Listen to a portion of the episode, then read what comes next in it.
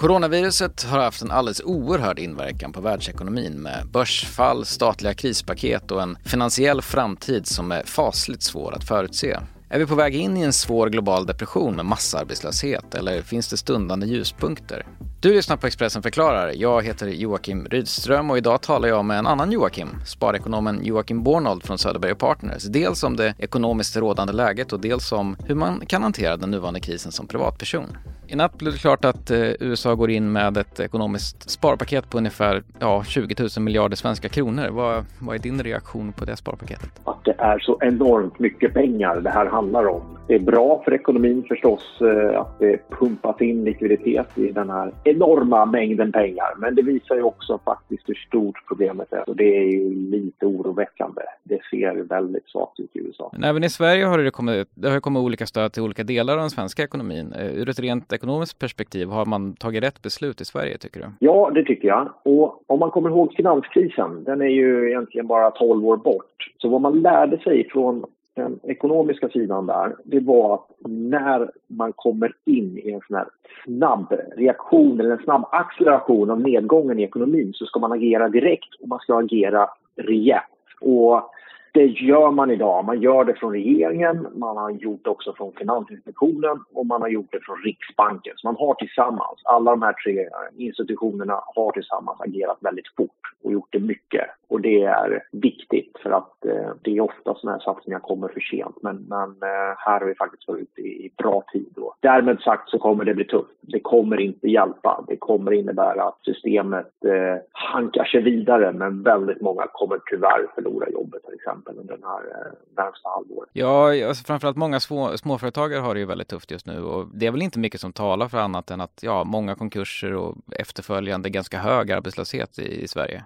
Pekar ju på det och eh, många av småföretagen i Sverige har ju inte den typ av buffert att man klarar av två, tre månaders bortfall av intäkter. Det, det går inte helt enkelt. Men om det finns stödpaket och, och hjälp så nej, många bolag kommer gå i konkurs eh, och de kommer inte öppna igen när det här blåser över tyvärr. Så det, det kommer bli så att arbetslösheten går upp, antalet konkurser kommer att öka kraftigt och det kommer också att ta tid innan svensk arbetsmarknad och ekonomi är tillbaka igen. Men kommer vi klara det då? Det låter ju ganska dystert. Ja, det är lätt att bli deppig, men ekonomin kommer klara det. Och i det mer filosofiska sättet så, så kommer man säga att mänskligheten går ju, ger ju aldrig upp. Det är inte så att den lägger sig ner och, och, och slutar utan det är klart man kommer komma ikapp. Så är det och det blir lätt väldigt dramatiskt. Man ser stora börsfall och stora förändringar på finansmarknaderna. Men, men så funkar det ju inte. Men det tar tid och det får man nog eh, rikta in sig på. Att det jag tror i alla fall inte på att det här blir en jättesnabb återgång till hur det var innan coronaviruset. Jag ska hålla, hålla mig kvar bara lite, lite grann i det här lite mörkare. För att jag som egentligen, jag har aldrig riktigt förstått ekonomi på global nivå. Eh, jag tänker liksom, man har läst om de värsta börsrasen sedan slutet av 80-talet och det pratas om en ja, stundande global depression på en nivå som kanske liknar den man såg under 1930-talet. Det låter ju så kolossalt allvarligt när man pratar om det. Liksom, hur ekonomiskt illa kan det här egentligen bli? Ja, men det, det, det kan bli illa och det blir tufft och nu, nu kommer man inte jag tror många kommer inte ihåg hur det var kring början av 90-talet i Sverige. Men det är klart, det är där man är orolig för att vi ska hamna där. Nu tror jag inte att det blir så illa, men visst kan det bli så att arbetslösheten eh, stiger rejält, att eh, man kanske förlorar eh, stora värden på fastighetsmarknaden och så vidare. Det är lätt att alltid vilja vara lite optimistisk för att skapa optimism, men, men man måste också vara realist och, och erkänna att det är just därför som Sverige, men också det här jättepaketet i USA, det handlar ju om just det här att stävja att vi inte ska hamna där. Och mycket talar väl för att vi inte gör det heller. Men eh, risken finns där, absolut. Och den, den ska man inte ta lätt på. Det ska man inte. Sen ska man ändå komma ihåg att jag började jobba med aktiehandel. Jag är egentligen en gammal aktiemäklare. Och eh, när jag började 98 så var det Asienkris. Den var ganska tung. Sen kom jag in i en IT-bubbla. Och sen kom eh, 9-11 terrorattackerna. Sen hade vi ett eh, Irakkrig. Eh, jag har också varit med om Greklandskrisen Och eh, den finanskrisen, Lehman Brothers-krasch eh, och nu är vi inne i det här. Det, det, är ofta så att just finansmarknaden hamnar i oroligheter och eh, stora svängningar. Och det ska man inte titta för mycket på. Den återhämtar sig och den ska man inte känna panik eller skräck över. Det blir lätt så. Utan vad man ska göra det är att se till hur ser det ut i realekonomin? Hur ser det ut med jobb? Hur går våra bolag? Det är det viktiga. Eh, och att finanssystemet fungerar som det ska. Eh, att, att aktiemarknaden rör på sig eh, 10 upp och ner över, över dagarna det, det, är lätt att stirra sig blind och känna lite skräck och panik över det. Men det ska man inte göra. För privatpersoner har det här förstås inneburit en del ja, väldigt krassa konsekvenser. Många med eget sparande har sett hur deras tillgångar gått ner ganska rejält. Och hur ska man tänka som privatperson? Ska man sälja av sina fonder och aktier exempelvis? Och då blir det ju alltid sådana som jag säger, sitt still i båten, mm. gör mm. ingenting. Och, och, det finns ju en orsak till det här då. Det var ju precis alla de här kriserna som jag pratade om, så har ju aktiemarknaden ändå fortsatt upp.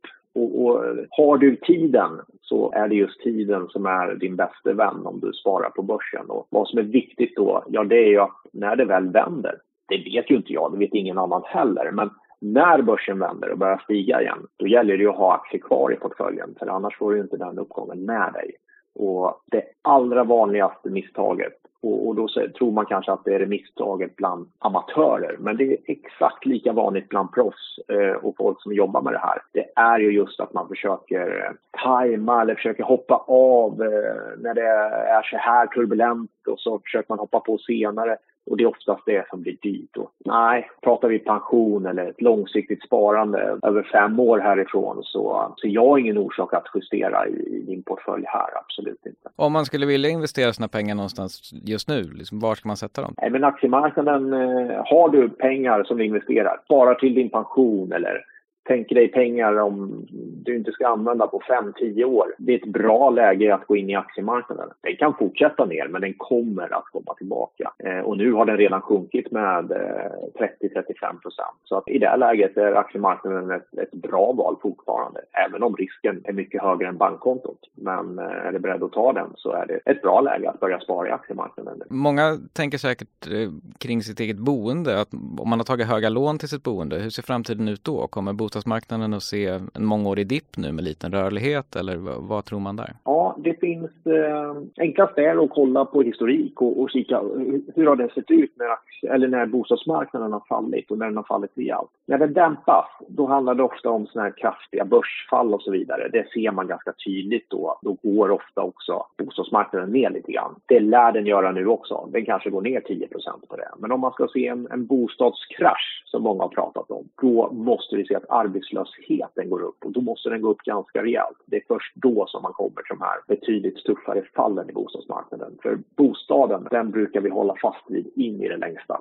Och eh, bostadsmarknaden är ganska tålig. Men till slut, när arbetslösheten stiger, då, då faller det. Så att, nej, man får nog vara beredd på det ändå, att det kan hända. Och det är förstås, en, vad som kan hända då är ju att är du högt belånad så finns det en risk att du blir inlåst i det boende man har. Därför att du kanske inte eh, får tillbaka de pengar du har lånat. Och framförallt kanske du inte har möjlighet att då köpa något annat boende för du har ingen kontantinsats. Och den risken finns ju helt klart om, om det här blir värre. Du nämner bankerna. Finns det någon risk för att eh, det går riktigt illa för bankerna i det här och att vi ser eh, ungefär det som hände i Lehman Brothers-kraschen exempelvis? Nej, det gör jag inte. Och, och framförallt handlar det om Lehman Brothers-kraschen då 2008. Den handlade om just banksystemet slutade att fungera kan man säga. Det var vad som hände. Förtroendet försvann mellan bankerna vilket gjorde att eh, tillgången på pengar och finansiering bara dog över natten nästan. Det var väldigt, väldigt dramatiskt. Vi har inte sett de tendenserna i banksystemet. Så att nej, jag ser inte tecken på att det här coronautbrottet och nedgången i ekonomin skulle starta en finanskris. Det ser inte ut så idag i alla fall. Avslutningsvis så jag inledde ju med de lite negativa vinklarna och pratade om 30-talet och eh, det riktigt illa som kan hända så att säga. Men om man vänder på det? Vad finns det för ljuspunkter och hur ser de ljuspunkterna ut framöver? De ljuspunkterna som, som man kan se att i, till och med i januari när vi gick in i det här så såg konjunkturen ganska stark ut. Det fanns en ganska bra efterfrågan och det är en, en bra grund i alla fall när man går in i en sån här nedgång. Kikar man på Kina också, så de ekonomiska siffrorna, statistiken som kommer där, tyder på att man faktiskt kommer igång igen. Att Asien kanske är på väg igen, vilket skulle kunna ge Europa en hel del draghjälp när vi väl ska ta oss ur det här. En tredje sak som är positivt att komma ihåg är att alla fokuserar på att lösa det här. Man vill verkligen göra det. Och eh, det finns också en väldigt gemensam vilja att lösa problemen vilket underlättar för politiska beslut och så vidare. Och jag tror att det kommer underlätta också när eh, det här coronautbrottet väl har dragit över och vi ska dra igång allting igen. Och det, det är väldigt lätt att se allting becksvart i sådana här tider. Men så är det faktiskt inte. Det finns mycket som är positivt också. Och förhoppningsvis så kan vi börja dra igång det här igen eh, framåt hösten och då får vi hoppas att skadan inte är så stor. Du har lyssnat på podden Expressen förklarar där vi i varje avsnitt ger dig en fördjupning av ett aktuellt ämne i nyhetsflödet. Lyssna gärna på våra tidigare avsnitt med bland andra professor Agnes Wold som berättar lite mer om hur coronaviruset sprider sig och hur man ska tänka för att inte bli smittad. Eller med Expressens fotbollsskribent Noah Bachner som berättar vad det innebär att all fotboll i Europa är inställd. Och som vanligt hittar du Expressens övriga nyhetsbevakning dygnet runt på Expressen.se, i appen och i Expressen TV.